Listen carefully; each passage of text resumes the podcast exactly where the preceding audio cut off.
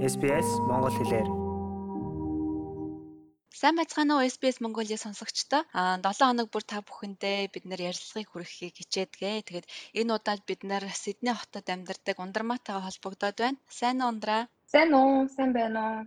За энэ өдрийн минь төргий. За яриагаа эхлэхээс өмнө мэдээ зочноо танилцуулъя. Манай өнөөдрийн зочин Сиднейн эрүүл мэндийн төвийн эрүүл мэндийн орчуулагч, хүний эхэмч, за нийгмийн эрүүл мэнд урьдчилан сэргийлэх чиглэлээр Австральд магистрийн зэрэгээ хамгаалсан. За бас аз жаргал ба стресс гэдэг ном Монголд бол яг одоо бестселлер болоод байгаа. Тэг энэ номын зохиогч Инхватрийн ундрмаа. Тэгэхээр өнөөдөр энэ ярилцлагыг сонссноор та юу олж авах вэ гэдэг тухайд бас баг зэргийн тайлбар хэлье. Эхлээд бид нар мэдээ зочныхоо карьерийн түүхийг сонсно. Дараа нь Австральд амьдарч байгаа монголчуудын маань хувьд эрүүл мэндийн ямар асуудал тулгардаг вэ? Түүнийгээ яаж даван туулах, за мөн Австральд стрессийг хэрхэн даван туулах, хүнсээ хэрхэн сонгох гэх мэтчлэн энэ зөвлөгөөнүүдийг аль болох монголчуудад зориулж Австралийн хөрсөн дээр ярихыг хичээх болно. За тэгээд яриагаа эхлэе ундраа. А юуны өмнө манай сонсогчдод өөрийнхөө тухай танилцуулахгүй юу? А сая бол би аль биесны танилцуулгын хэллээ. Тэгэхээр өөрийнхөө карьерийн түүхийг анх хизээ Австралид ирв, ямар зорилгоор ирсэн, зорилготой нь ер нь хэр биелж гин гэх мэтчлээ өөрийгөө манай сонсогчдод танилцуулаач. За маш их баярлалаа. Ярилцлаганд орсон SBS Mongolian багийн хамт олондоо баярлалаа. Тэгээд надад бол эргээд одоо амьдралаа дүгнэх боломж олгож байгаа юм шиг санагдчихэ. За тэгээд ерөнхийдөө 2013 онд би анагаахын шинжилгээ ухааны их сургуулийг хүний хэмжих мэрэгчлэр сурч төгссөн. За үүний дараагаар чих хамар хоолон резидентурт одоо 2 жил сураад одоо нарийн мэрэгжлийн чих хамар хоолон хэмжээр төгссөн байгаа. Аа тэгээд сургууль сургуульд чих хамар хоолон чих хамар хоолон багшаар Австрали руу иш хүртлээ ажилласан. 2013 оноос эхлээд ажилласан гэсэн. Тэгээд ерөнхийдөө нийгмийн эрүүл мэнд урьдчилан сэргийлэх ангаа ухаанд илүү одоо чухал юм байна. Энэ одоо том салбарыг одоо Монголдо одоо хөрсөж хөрсөнд буулгаж тэгээ за гадагшаа явъя, сурыг гэдэг ингээд судалгаа хийж эхлээд Австрали улсыг сонгосон байгаа. Тэгээ 2016 онд нийгмийн эрүүл мэнд урьдчилан сэргийлэх ангаа ухаан тэгээд төслийн менежментийн магистрийн dual degree гэж ярьдаг аа одоо ийм хосолсон мэрэгжил гэж ярьдаг хосолсон мэрэгжлэр ингэж сургаж төгссөн. Тэгээд энэ дээрээ Австрали улсад ирээд ажилласан анхны ажил маань ерөөдөө олон улсын сурагчдад зориулсан англи хэлний эрчимжүүлсэн сургалтын төвд School Learning Support Officer буюу одоо туслах ажилтан хийдэг байлаа. ойролцоогоор нэг нэг жил хийсэн. Тэгээд ерөнхийдөө ковидын улмаас нөгөө Австралийн засгийн газар хилээ хаагаад тэгээд ажлын байр маань ерөнхийдөө ингээд түр хугацаанд татан буухсан байгаа. Одоогоор шинэ хүмүүс ирэхгүй байгаа учраас гэсэн үг үү тий? Яа, тийм. За тэгээд 2019 онд ерөнхийдөө 11 сар сургуулаа төгссөн, магистрийн зэрэгээ төгсөөд 11 сар төгсөөд ер нь интерншип хийх ёстой байсан сургуультай. А тэгтээ нөгөө яг бас л одоо нөгөө цар тахлын улмаас онлайн сургалтанд шилжээд тэг интерншип маань бас ингээ хойшлогдсон. Тэгээд ерөнхийдөө сургуулаач төгслөө ажил маанч байхгүй боллоо, интерншипгүй ч боллоо. За тэгээд ерөнхийдөө өөрөө өөртөө яг нүүр тулах тийм одоо амьдрал надад яг тийм хугацааг өгсөн. Аа тэгээд яг цаг тохион бүртэн гэдэг шиг яг тэгээ байжсэн чинь багшаасаа хамтарч ном бичих саналыг аваад эхлээ сонсохдоо жаргал ба стресс гээд том сэдв байсан болохоор хиндэ нэлээ эмээлттэй байсан. За да гэж тэгээд ерөнхийдөө бодоод ингээд тунгаас нь ийцэж ерөнхийдөө миний мэрэгжил болохоор ард иргэдийн эрүүл мэндийг хамгаалах аз жаргалтай өөртөө наслахт нь одоо сурсан мэдсэн зүйлээ зориулах ёстой байсан учраас ерөнхийдөө тэгээд зоригтойгоор сэтгэл шалгацсан. Тэгээд номоо бүтсэн төв гэх юм бол Австрал, Филиппин, Герман улсаас хоёр багштайгаа холбогдож ингэж ярилцаж э, бичсэн. Ерөнхийдөө virtual team ажиллана л та. Тэгээд ерөнхийдөө 3 твээс бичиж байгаа анхны ном байсан баха гэж ингэж бид гурав таамаглаж байгаа. Nice. За тэгвэл ундраагаас асуух юм шүү дээ. Айгүй их боллоо би зөвхөн стрессийн тухай, хүнсний тухай ярих гэжсэн дахиад дээр нэмээд анх австралид ирж байгаа хүүхдүүдийн тухай бас бас нэг яриа хийж болохоор болчихлоо. Тэгээд хоёлаа нэг биш нилээ хэдэн яриа хийх нь биш үү? За тэгээд хоёлаа үндсэн ярианда оръё. Аа одоо бол манай ундраа маань Сидней эрүүл мэндийн төвд ажилладаг. Тийм ээ эрүүл мэндийн орчуулагчаар ажиллаж байгаа. Тэгэхээр э, одоо энэ статустай нь холбож асуухад ер нь Австралид амьдарч байгаа монголчуудын хувьд эрүүл мэндийн одоо ямар асуудал ихэвчлэн тохиолддог вэ? Энэ тухайд хоёлаа ярьж эхлэвэл. Тийм, одоо болохоор New South Wales мужийн одоо э, дүүргүүдэд эрүүл мэндийн газар гэж байдаг. Sydney Local Health District гэдэг. А тэнд болохоор бас одоо одоо хилний бэрхшээлтэй байгаа одоо иммигрант хүмүүстэд зориулсан одоо эрүүл мэндийн одоо эмнэлгийн орчуулгыг засгийн газраас нь үнгүй болгож өгсөн байдаг. Тэгэхээр эмнэлгийн ямар ч одоо тусламж үйлчилгээ авсан та одоо тэр interpretive serviceтэй холбогдох юм бол үнгүй одоо орчуулгын үйлчилгээг авах бүрэн боломжтой гэдгийг бас Австралид байгаа монголчуудтай хэлье. Тэгээд одоогийн байдлаар ерөнхийдөө Австралид яг амьдарч байгаа монголчуудад эрүүл мэндийн ямар асуудал зохиолж байгаа талаар хийсэн яг одоо судалгаа бол хараахан хийгдэж амжаагүй байгаах гэж бодож байна. А гэхдээ эрүүл мэндийн салбарт энэ Австралийн одоо дүүргийн эрүүл мэндийн салбарт ажиллаж байгаа ном судалгааны үр дүн харахад ерөнхийдөө одоо иммигрант хүмүүст тийм ээ стрессийн түвшин оршин суугчдаас хамаагүй өндөр байдгийг судалсан байдгийн билээ. Австралид хийгдсэн судалгаанаас харахад Австрали улсад төрсэн хүмүүсийн дунд сэтгэл гутралын одоо үүсгэж байгаа зовлох шалтгаан мөнгө санхүүгийн асуудал байсан бол гадаад одоо орноос ирж Австралид оршин сууж байгаа хүмүүсийн хувьд бол одоо relationship буюу relationship буюу одоо сэтгэл зүйн асуудлууд илүү их тулгарч байсан.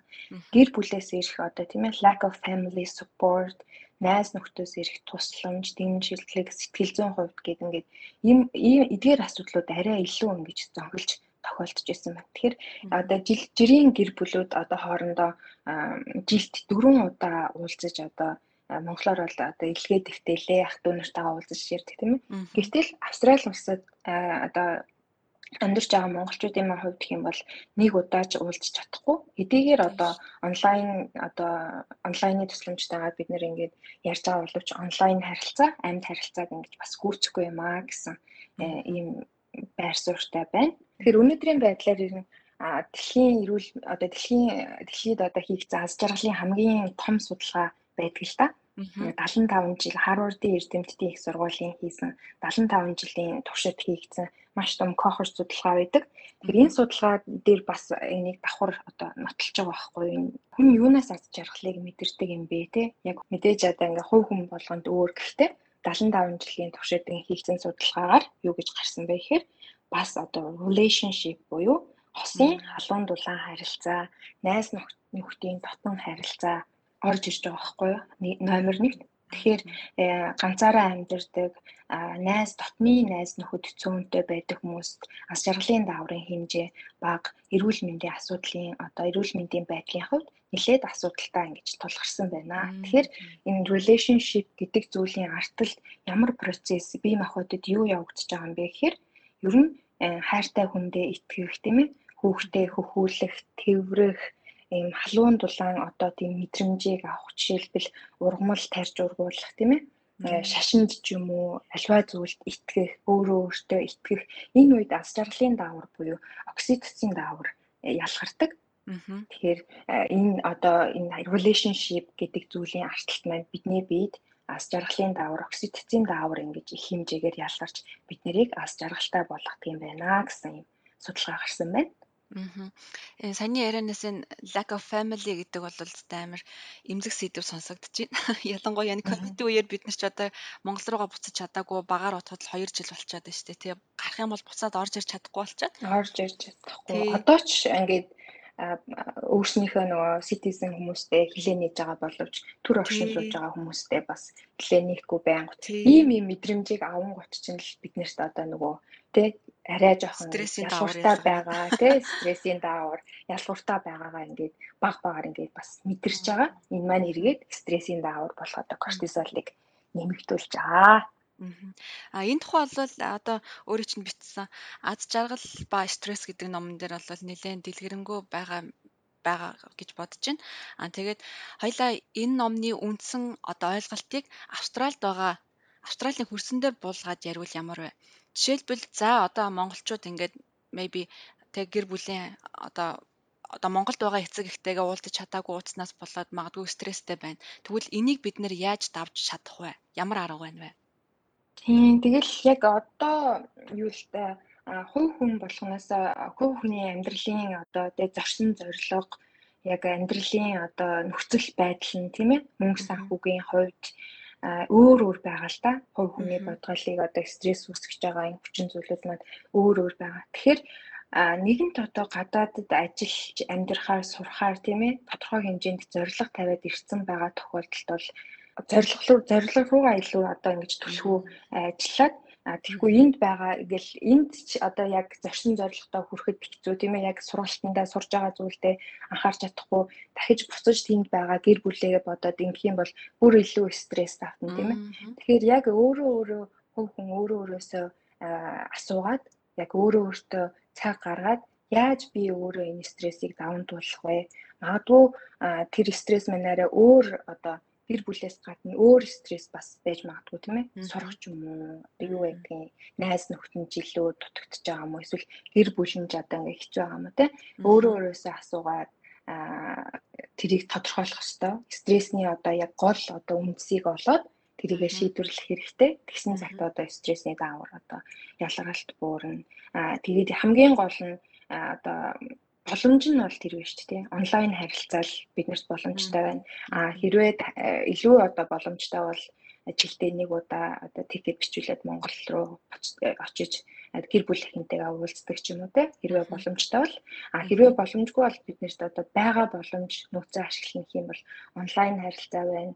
Одоо илүү одоо зарим одоо юун дээр ажил судалгаан дээр ажиглагдчих Монголд байхдаа одоо гэр бүлийн үн цэн гэдэг зүйлийг тэр ойлгоо ойлгохдгүй байгаад харин гадаад одоо оронд очиод ингээ амьдрахтаа амьдрахтаа үн цэнийг ойлгож одоо гэр бүлийн тэр одоо харилцаа бүр илүү ингэж дээшилсэн. Дээшилж болно гэсэн судалгаа байхгүй. Тэгэхээр яг яг одоо эрэг талаас нь бодоод те яг ямар ямар одоо зүйл стресст оруулаад байна вэ? А яаж энэ асуудлыг шийдэх вэ? Ээж аав нь ямар боломжтой байна вэ?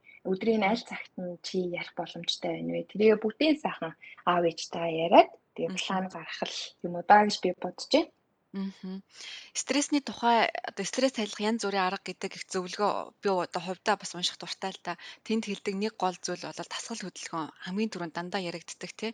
Тэгээ Австралид амьдарч байгаа бидний хувьд бол бас харьцангуй гадаа гараад заавал одоо том жимд очих шаардлагагүй гадаагаараа гүйж болж гин гүүх замд чинь одоо дасгал хийчих бас орчин бүрдүүлсэн байна гэх мэтчлэн хөдөлгөөнтэй байх нь стрессийг тайлах нэг арга гэдэг байгаа. Тэгвэл та Австральд хөдөлгөөнтэй байх тэр боломжуудыг бас хэлж өгөөч. Одоо саяны миний хэлсэн шиг те зөвхөн гүүхтэл одоо стресс бас тайлах нэг арга.